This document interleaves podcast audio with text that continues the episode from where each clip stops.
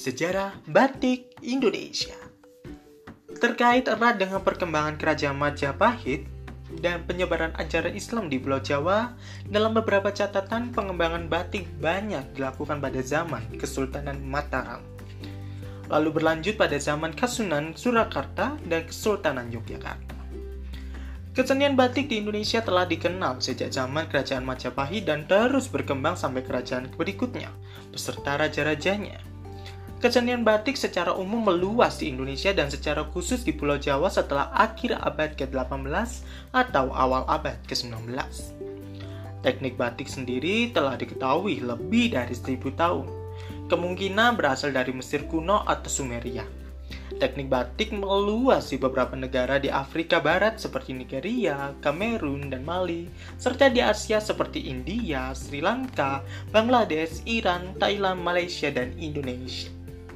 Hingga awal abad ke-20, batik yang dihasilkan merupakan batik tulis.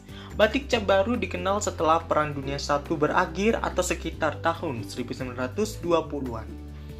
Kesenian batik adalah kesenian gambar di atas kain untuk pakaian yang menjadi salah satu kebudayaan keluarga kerajaan di Indonesia zaman dahulu.